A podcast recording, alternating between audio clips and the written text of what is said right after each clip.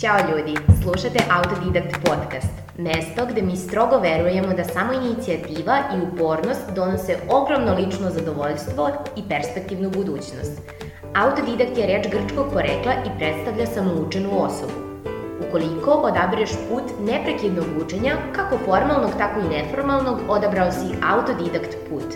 Na ovom delu online neba Autodidakt tim sa gostima deli insajderske informacije o usavršavanju van sistema, besplatnim razmenama i svemu ostalom što interesuje mlade kreativne ljude. Zgrabi kafu jer počinje čet tura, Autodidakt avantura.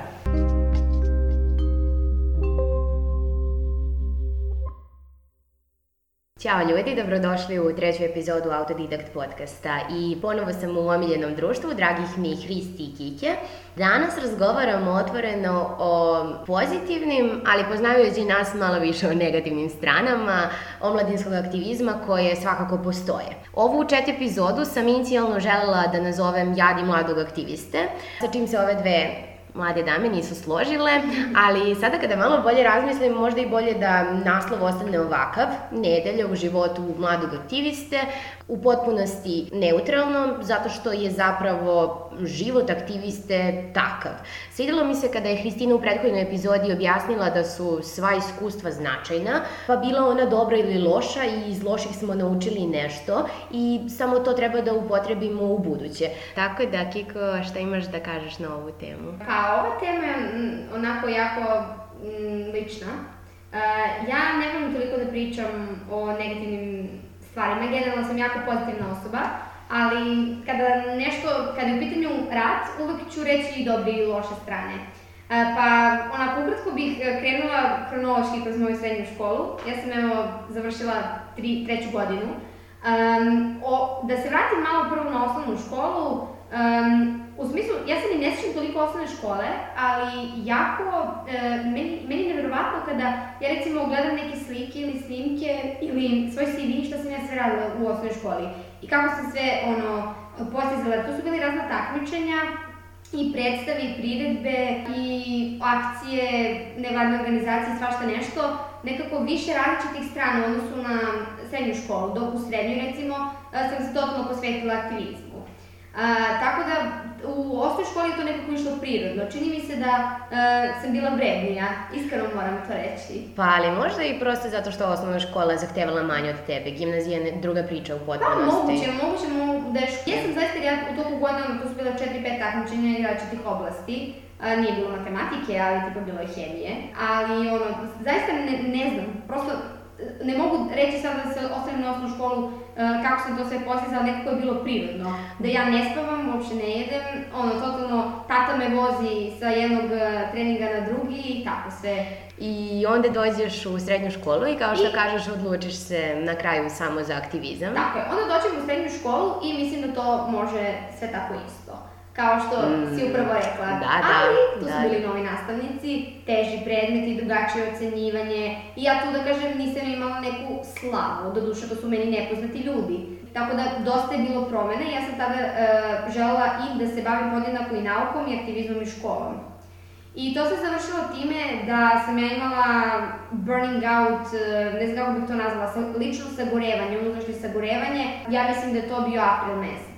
E, da. Ja moram priznati da sam se tokom tog aprila, ja toliko nekako jadno osjećala, ne, ne, znam, ne mogu reći zašto, je to bilo neko prezasićenje. Da. Meni je apsolutno šta god da uradim bilo nedovoljno i nekako u tom momentu uh, su mi se i ocene pogoršale i ja sam se psihički uh, e, pogoršala, to je bio jedini moj mentalno možda nestabilni trenutak u životu, da se ja toga sećam.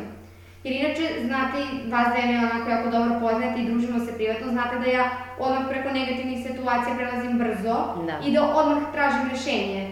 Ja se ne, ne živim u prošlosti, ali prosto taj april mesec u prvoj godini meni bio katastrofalan, jer sve, bukvalno se sve nekako skupilo i kada sam izašla iz te neke Mm, loše mantre, ja se osjećala kao da sam se preporodila.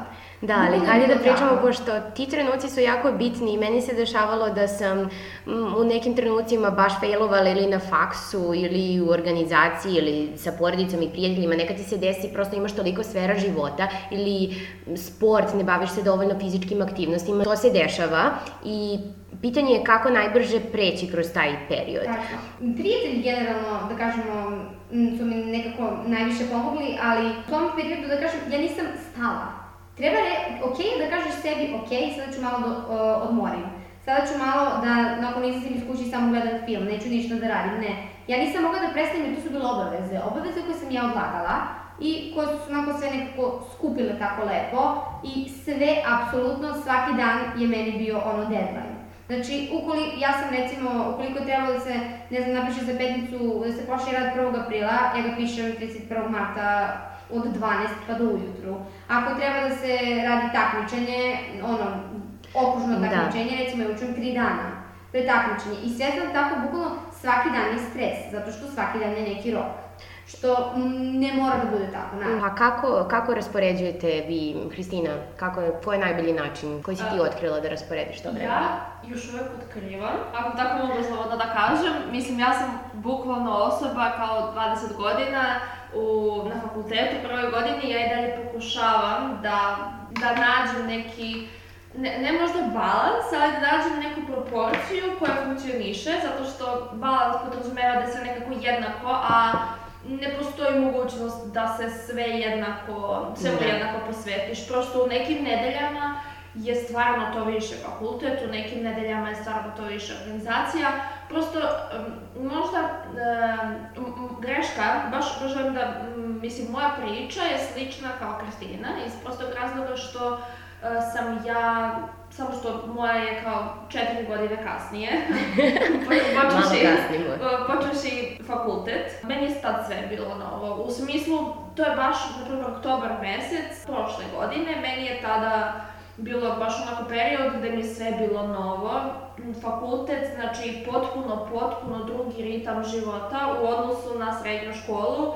Tada sam počela prvi put ozbiljnije, da kažem ozbiljnije, da se bavim aktivizmom ušavši u organizaciju Nauči me, tada sam počela, to je prosto bilo opet neki, neka minimalna aktivnost koja se očekivala. Da, i zapravo ja se sećam kada smo počinjale, mi smo, mi smo bile pune entuzijazma i mi smo mislile pa naravno da je to moguće, mislim šta je to nekih 10 sati da, nedeljno, uz faks pa naravno da ću da stignem to, naravno da ću da stignem da idem i u teretanu, pored toga da ću da se viđam petkom i subotom neke žurke, neka, neka viđanje neke kafe, To sve u... Je palo u vodu novembra meseca, kad su počeli prvi kolokvijumi i to se stvarno tako desilo.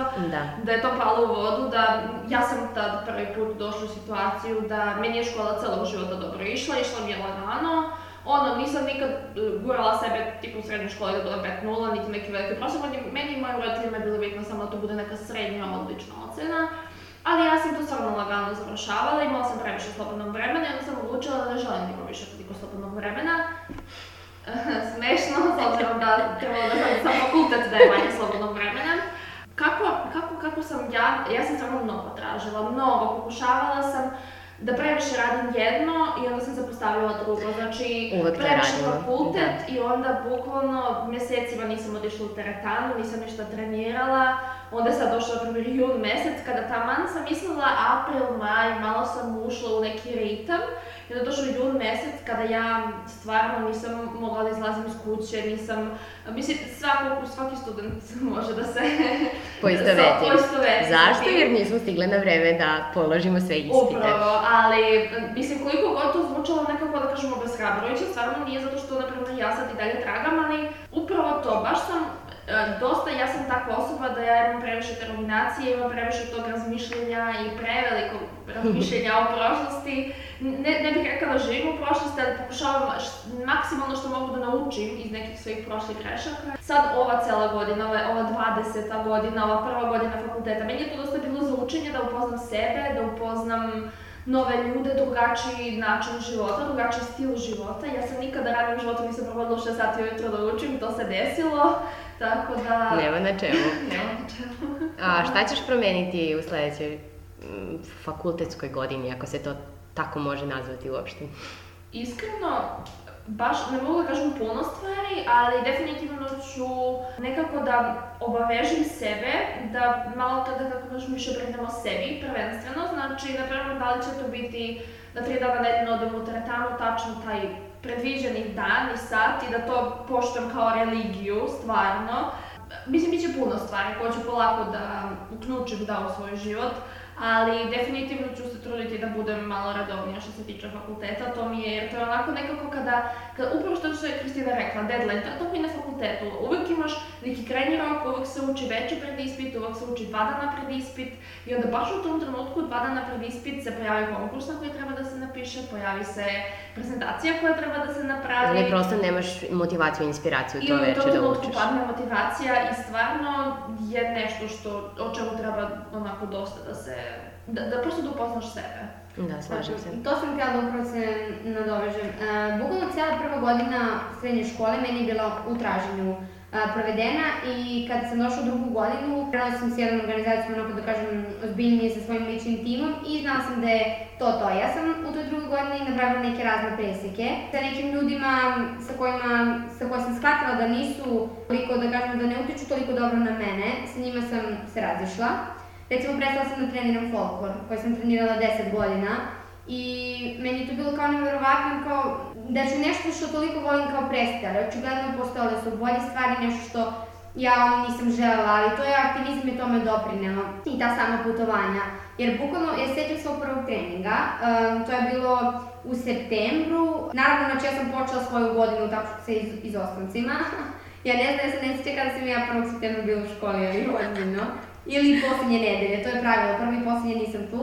I to je bio prvi trening volonterski management. I ja sam sada tu bila, imala 16 godina, svi ljudi su imali tako do 30, uglavnom oko 25-26. I ja sam tada videla da ja uopšte ne odstupam toliko od njih kada pričamo o aktivizmu i kada pričamo o javnom nastupu ili ti neke stvarima kako razumeti aktivizam, razliku od volontiranja, kako se treba obhoditi prema volonterima i to mi je dalo vrednost i potreb da nastavim dalje i da sama preuzimam neke akcije. I onda sam tako u sebi krenula da stvaram obaveze, ali te obaveze meni nisu bile nešto što moram, kao što je bilo u prvoj godini, nego nešto što ja zaista volim i, i želim. Tako da sam shvatila da taj sistem kad ja imam mnogo da radim meni jako odgovara. Zato što ja sam lepo organizovana. Recimo, sa mnom uh, morate se dogovoriti za kafu ono nedelju dana ranije Ja mnogo volim da izlazim. Razlog zašto toliko izlazim, recimo, na uštrb toga ide moje spavanje. Što možda manje spavam nego što bi trebalo, ali to se nadomesti, jednog dana spavam, ne znam, 12 sati, sledećeg spavam 5 i onda kao se izjednači.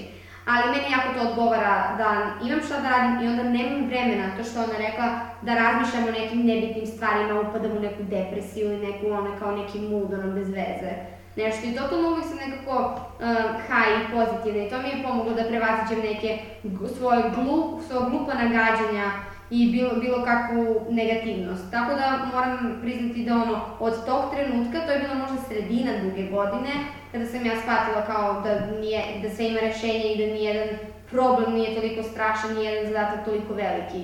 I od, od tog trenutka meni je onako se zaista ladovina. I uopšte sam stres, stres sam izbacila totalno Znači, što se tiče škole i bilo čega i nekog deadline-a, mislim, ništa mi toliko ne znači. Moram reći da od kada, znači opet treća godina, treća sreća, treća organizacija, treće sve, od tada, zaista, deadline je bio možda jedan.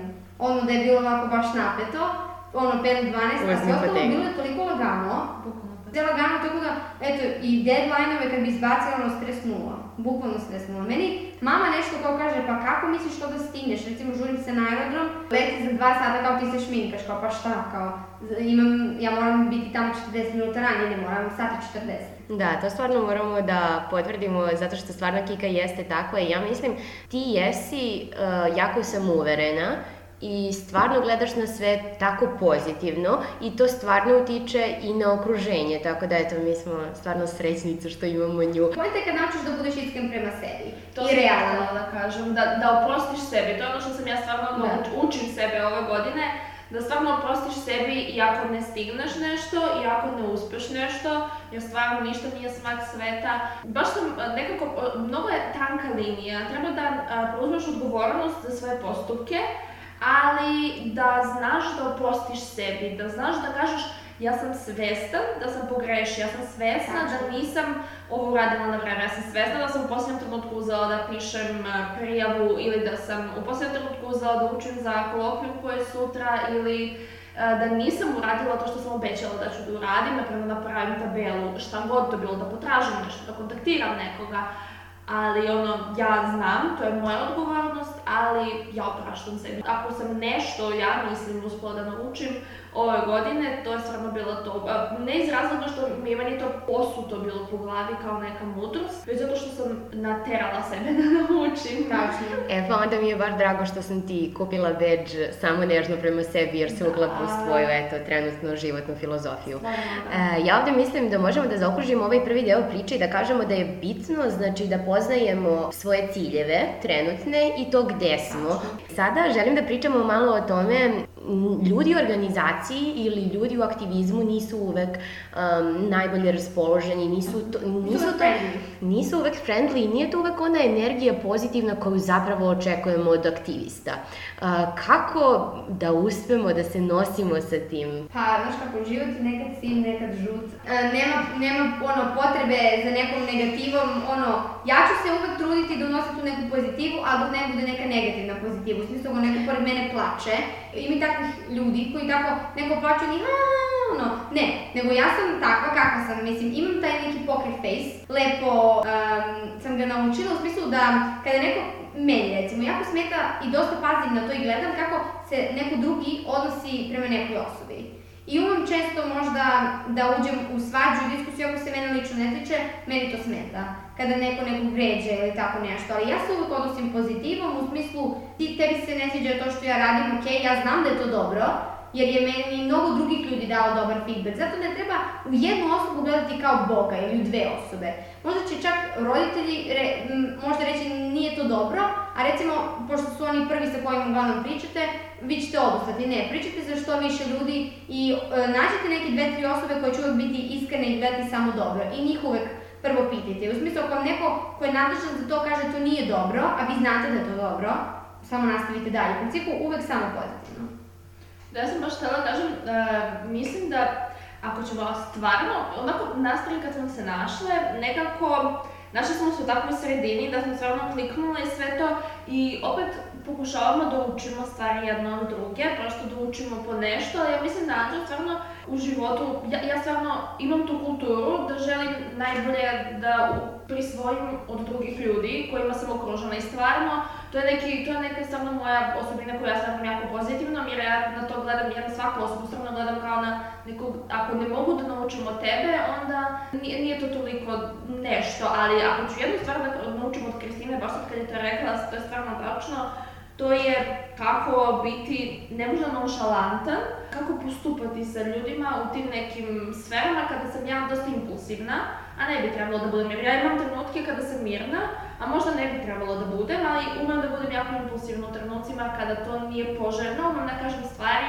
kada bi bilo bolje da se prećuti. I mislim da stvarno nas dve, Kristina je doduše stvarno duža od nas dve u celom tom svetu i ona je se sigurno opekla dosta puta pre nego što je... Pogotovo po sistemu ono da. rekla kazala kao ono. Upravo i mislim da to je nešto što u aktivizmu stvarno vodi računa um, sa kim se, o čemu priča, u smislu, iako je ovo sve besplatno, stvarno ljudi treba da, mislim besplatno, besplatan rad, u smislu nije nešto što... Neplaćen nije, rad. Neplaćen rad, upravo, neplaćen rad i nešto što ljudi možda ne shvataju ozbiljno, postoje ljudi u aktivizmu koji neke stvari shvataju jako ozbiljno, prosto ja bih rekla to kao, eto ja ću da budem prva koja će da pomene samo neku lošu stvar, zato što sam ja, eto, takva. Ali stvarno, treba, to što je Kristina rekla, treba porazmisliti sa kog staništa dolazi ta osoba od koje dobijamo povratnu informaciju, jer ne možemo da se vodimo logikom da nam svi stvarno misle uvek najbolje, jer uvek ljudi imaju, imaju neki interes. Koliko god mi žele da verujemo da to nije tako, dešava se da ljudi prosto imaju neki lični interes, koji je, možda su oni dobri ljudi, ali prosto nešto ih tera da u tom trenutku ne budu do, baš iskreni, da kažem, kako bi inače možda bili. E, da, to je meni ovde napisano baš kao e, jedan note koji želim da napomenem u aktivizmu treba da se odnosimo sa ljudima kao da smo na poslu. Kika, Kika mi ovde maše glavom, ne slaže se, ali svi ovde radimo za nešto.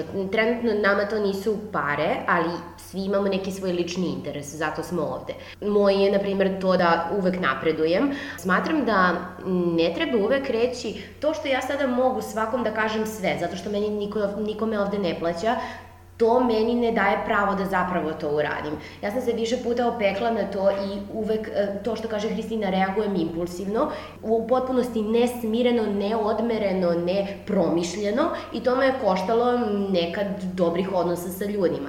Živaca, naravno, baš kako. Prosto da. živaca, da.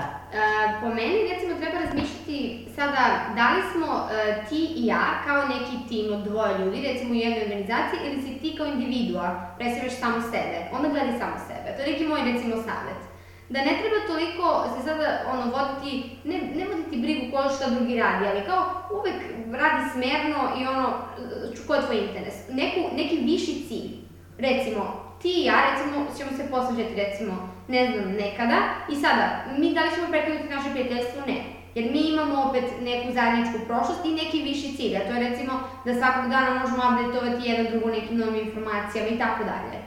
Da. Ali više cilj nije ono korist, u smislu, dosta ljudi recimo... Ne, više cilj tu, sma, tu smatram prosto lični napredak. To, lični, e, upravo to. I, I za mene isto to predstavlja, ne znam što ti Kris kažeš. Definitivno, mislim, ja mislim da upravo jedna od dobrih stvari zašto smo mi ovo počeli, što sve imamo taj jedan cilj, mislim dva cilja, a od kojih je jedan stvarno da mi lično napredujemo, drugo da pomognemo ljudima da. kako mogu da napredujemo. mi da. se jako, da tako kažem, ložimo na to, pa, to je iskreno, ali hoću, mislim, samo to što E, meni su, na primer, roditelji, što tako kažem, učili i tako, ali možda jeste bilo tako, tu su, na primer, pravili grešku sa mojom sestrom kako su pričali iz celog života, ljudi tebi uvek misle dobro, da, na primer, meni s druge strane, kada su videli njenu grešku i to da ona i danas, dan danas, patim možda zbog toga ponekad u životu. Um, meni su opet kod mene su ispravili tu grešku i rekli su razmisli, ti si pametna, razmisli i odluči sama, ali kao nemoj da se vodiš time da ti svakoga hoće dobro kao što ti ga mi hoćemo. I to stvarno jeste tako, na primer, ja sam, to, to, mi sam počela kad sam počela pričamo o temu, da opet um, moramo da budemo svesni da iako je ovo sve, da je ovo sve neplaćen rad, opet postoje ljudi koji to možda shvataju malo previše ozbiljno. Ne mislim da kad si ti klimnula glavom ne, a Anđa rekla da se ovo misli na posao, ona nije mislila u smislu ozbiljnosti koliko u smislu odnosa. Aha, znači, odnos, da, odnos među da, ljudima. Bez ljudskih okay, odnosa. Da. Mi moramo svako da posmatramo kao kolegu i da gledamo da taj neko stane kolega, iako možda, ako bude prijatelj, to je stvarno plus. To, o tome smo pričale, ja mislim, i prošli put i put upravo, pre toga. Upravo. I uvek ćemo da pričamo o tome, jer to stvarno jeste tako. Ako je prijatelj, to je plus, ali pre svega, da postoji to neko, to neko poštovanje međusobno, ali opet moramo da, mora da postoji to neko možda da se prećuti nekad. Da, eto, to jeste zato što, mislim, Kika i ja znamo kada odemo na razmene, mi imamo taj osjećaj da smo svi prijatelji. Nikad ne uđeš ti u razmenu sa, sa nekom mišlju da mi nešto zajedno treba da radimo. Ne, nego mi smo tu da se upoznamo bolje, da se bolje družimo. Tačno. A sa druge strane, aktivizam na duge staze, ako pričamo o godinama yes. rada, tu moraš da uđeš već sa nekim drugim. Ti ćeš uvek da imaš neke nesuglasice sa drugim ljudima, ali moraš da prihvatiš da živiš sa tim. Svi smo na kraju krajeva ljudi, svi grešimo, treba oprostiti, ali treba u tim trenucima kada vam je najteže odreagovati smireno, odmereno i promišljeno. Dakle, znači, koliko je god to moguće. Mislim, koliko god je Nekada nije i nismo, niko od nas nije savršen, svi ćemo da pogrešimo, ali ponovo to sam još jedna stvar koju sam želela da kažem. Mnogo mi se sviđa način da na da sve to gledamo kao na izazov. Prosto, mnogo je zanimljivije ako kažeš sebi, pa hajde sada da vidim da li ja mogu da istreniram sebe da sledeći put ne odreagujem na provokaciju kao što sam to uradila prethodnog puta. Jer ljudi su svakakvi, da bi tebe spustili, oni će, oni će svašta pričati, pričati i ti treba samo da ne nasedneš na tu foru i to je, to tebe, da, ja, ja kažem tim ljudima, hvala vam, vi mene spremate za život, vi mene spremate za biznis sutradan, ja ću to raditi, tako da hvala vam.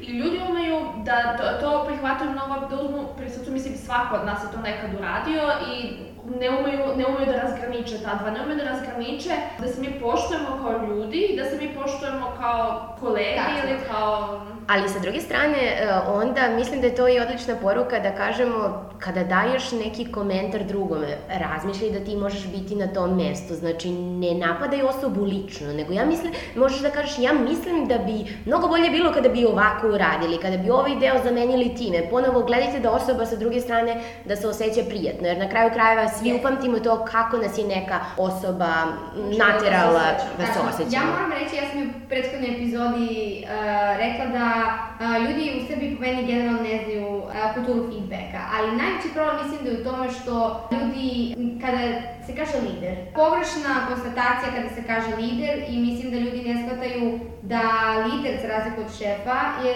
e, nešto da on stoji prvi i da on treba poznavati potencijale cele svoje grupe i gurati, a ne samo pričati ti to, ti to i beležiti u smislu to je odrađeno, to nije, to je šef. A lider je neko ko je prvi i ko, kada je najgore, ko će uvek e, doći. Tako da... Dobro, ali budimo realni, to se ne dešava ni u praksi, ni u aktivizmu. Znači, uglavnom, lideri smatraju da su oni ti koji su nadležni da daju naređenja drugima i da oni imaju jedini pravo glasa, iako kažu da mi svi zajedno donosimo odluke, a prosto samo oni donose pa, tu e, odluku. Pa, to sad zavisi ono ka, i kako se postavi taj realno, nažalost, jeste tako. Tako da ljudi morate biti svesni toga i moj jedan savet našim dragim vršnjacima jeste da a, nemojte svoje namere pričati svima i svoje uspehe i planove. To držite za sebe zato što ukoliko ih ostvarite super i bit će još veće iznenađenje. Mnogo je bolje kada nešto po meni odmah izađe i bombastičnije je, nego da vi obavještavate javnost ili sada sve i onda ne uspete i imat ćete, uh, što se kažu, pokodakanje ljudi, kao ni, to je zbog toga, ovo je zbog ovoga. Mislim, apsolutno nema smisla i bez veze za sve što se želi naći razlog. Da, to je tačno, pogotovo u početku, budite oprezni šta govorite drugima. Svi smo mi ljudi i volimo da kažemo i po neku negativnu stranu osobe koja je pored mene, ali ja kažem bar prvih nekoliko meseci dok baš ne upoznate ko je kakav, ne delite sa ostalima svoje razmišljanja o drugim ljudima. Mislim da to nije, pogotovo ako imate eto, samo 10 dana kao na razmeni ili na volontiranju par nedelja, a da ne pričamo koliko su te negativne posledice. Pa, pa svi vaši ono, saradnici ne moraju biti nužni vaši prijatelji. A generalno u Srbiji, generalno je tako možda da ljudi sada, ako mi radimo, mi moramo i da se družimo. Ne, mi se poštamo, pre svega. A da, da li ćemo biti prijatelji prijateljstvo kada izađemo iz prostorije, sve nakon toga. Tako da samo on to, kako razgovaramo je sjajna knjiga, preporučujem je svima i može dosta mm, pomoći da kažemo na konkretnim primjerima da vidimo šta, gde grešimo i kako treba teći razgovor, ali to se uči. Da, svakako se uči, ali zato kažem, lakše je naučiti ako na to posmatramo kao izazov. Evo ja sam sada ovde u ovoj organizaciji ili novom volontiranju kako bih naučila najbolje da govorim sa drugim ljudima. Da, ja bih samo htela možda kao treću temu, onako pred kraj, da se svrnemo Kristina je počela da priča o tome kako komunicirati, kako se suočiti sa ljudima u svojoj okolini, sa svojim nekadašnjim ili možda sadašnjim dalje prijateljima koji nisu u tom svetu u kom smo mi. Uh, ja mislim da je to veliki problem, da to, to nerazumevanje koje se javlja, jako često iako je aktivizam nešto o čemu se stvarno toliko priča, to je i dalje toliko neispričana tema i toliko nepoznata tema. Pogotovo za starije neke generacije. Da, upravo. Ja kažem, ja, mislim, ono, ja volontiram godinama i to je nekad sporadično bilo, malo vama, malo nama, ali moji roditelji dan danas, iako sam ja sedala više puta sa njima da pričam, o tome da im ja kažem, mama, tata, ja radim ovo i ovo i ja e, sam otišla da krećem tamo zato što je e, to deo team buildinga, ali moj tata to nikada nije mogao da razume. nikada nije video kao deo team buildinga. Inače, jedna mini anegdota, kada sam ja mojim roditeljima rekla, mama i tata, ja sam trenutno na poziciji uh, marketing menadžera, znači ja vodim društvene mreže. Meni je mama rekla, jao super Anđa, sad ćeš ti moći da nam praviš web sajtove. Ja kažem, jao mama, to daleko daleko, da, daleko je to od toga. svi razliku s tebe. Da. To je baš da. onako da jeste, ali iako, ono, baš sam htjela, samo htjela da se osvrnuti, na primjer, ja sad, kada sam pričala sa prijateljima prosto o snimanju ovog podcasta i to, hajde, ok, podcast nije toliko popularna forma u Srbiji, ali opet, ljudi su onako su dosta bili kao, pa šta vi radite tamo? Pa, to je jako često pitanje za sve nevladine organizacije. Ja samo Želim da apelujem na ljude da ne dozvole da ih bilo ko obeshrabri svojim komentarima, to je glupo, a zato što ne primaš novac zašto radiš to, I ja zato što sam ja doživljavala takve komentare kroz ceo svoj život, tako mogu da kažem, od prvog volontiranja, od prvog zasedanja, od prvog nečega što sam počela da radim, stvarno sam dobijala takve izjave i nekako, jako sam ponosna na sebe nikad nisam dozvolila da, da mene ljudi obeshrabre, ali s druge strane mislim da je jako bitno i kako preći tim ljudima. Ako ja njima dođem i oni meni tako nešto kažu, ja prosto njima odbrusim, da ja njima kažem, vi to ne razumete. I tako nešto O, opet će da se javite neki revolt u njima i to sam viđala, ja sam napravila prvo tu grešku, da sam tako nekako pričala s ljudima i da sam ja to njihovo neznanje nekako odbacila iz tog razloga što su oni mene napali. Ja sam njih napala i tu je došlo do konflikta gde kasnije ta osoba će opet da ode i još nekom trećem i čeka priča da. kako to ne valja. A ja mislim da je stvarno pravi način da se priđa toj temi sa potpunim razumevanjem, za apsolutnim, ako možete da nađete razumevanje da vas neko pita najbanalnija pitanja i da vi istrpite najgluplja pitanja koja možete, jer stvarno se dešava, istrpite zato što činit ćete uslugu pre svega vama, jer ta osoba kada im vi lepo objasnite, čak i da oni to i da ne razumeju, ne podržavaju, imaće nekako respekta, imaće malo više poštovanja prema Jer će osetiti za, upravo, e, sa druge strane strast u vašem glasu, načinu izlaganja. Upravo, upravo i misliće, ok, ovo je zapravo nešto što to, ta osoba voli, to je nešto što njih pokreće, možemo mi to da, ono, prosto, ja to mogu da poštujem, ako, iako mi se ne sviđa što neko troši vreme bez da zaradi nešto konkretno, tako kažem. Da, ali imajte na umu da mi nikada ne bismo ovo radili, pa za Boga nismo ni mi neinteligentne osobe koje sede i rade nešto bez veze, da nismo vidjeli interesa što ličnog, što zajednice, mi ovo ne bismo ni radile. Tako da tu smo da pokažemo i benefite, ali danas malo više očigledno se osvrćemo na one negativne strane. Ovo, voljela bih samo da kažem da ja lično mislim da ne postoji recept sada kako pravilno organizovati vreme i taj management zaista jeste nešto što se celog života. I Anđela je jednom prilikom je lepo rekla u našem razgovoru da treba napraviti granicu između planiranja, u smislu da dok učimo o tome mi smo mogli nešto konkretno da odradimo.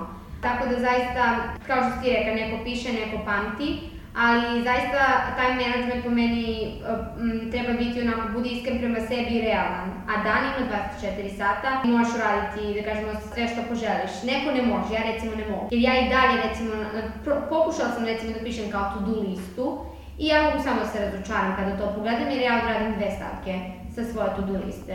Jer recimo mislim da mi je, ne znam, dajem ono basic primer. Recimo, meni za pisanje jednog eseja treba 2 do 3 sata recimo Ali, uz to ide i da pogledaš Instagram, da malo, možda ti ide duže ovo istraživanje, pa ne znam, pozvao te neko na telefon, tako da se to odloži na 6 sati.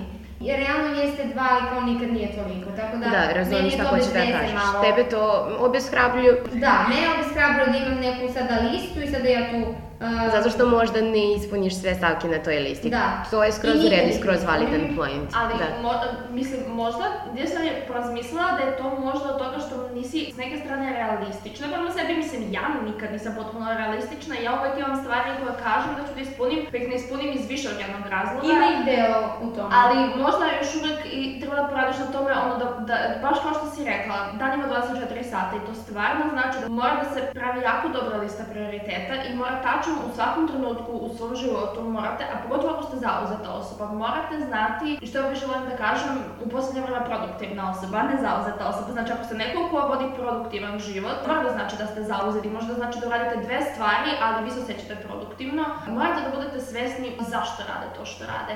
Jer to zašto u trenutku kada pokleknete, u trenutku kada vam padne motivacija, je jedina, jedina stvar koja može da vas iščupa. Nikakva obaveza, nikakav deadline.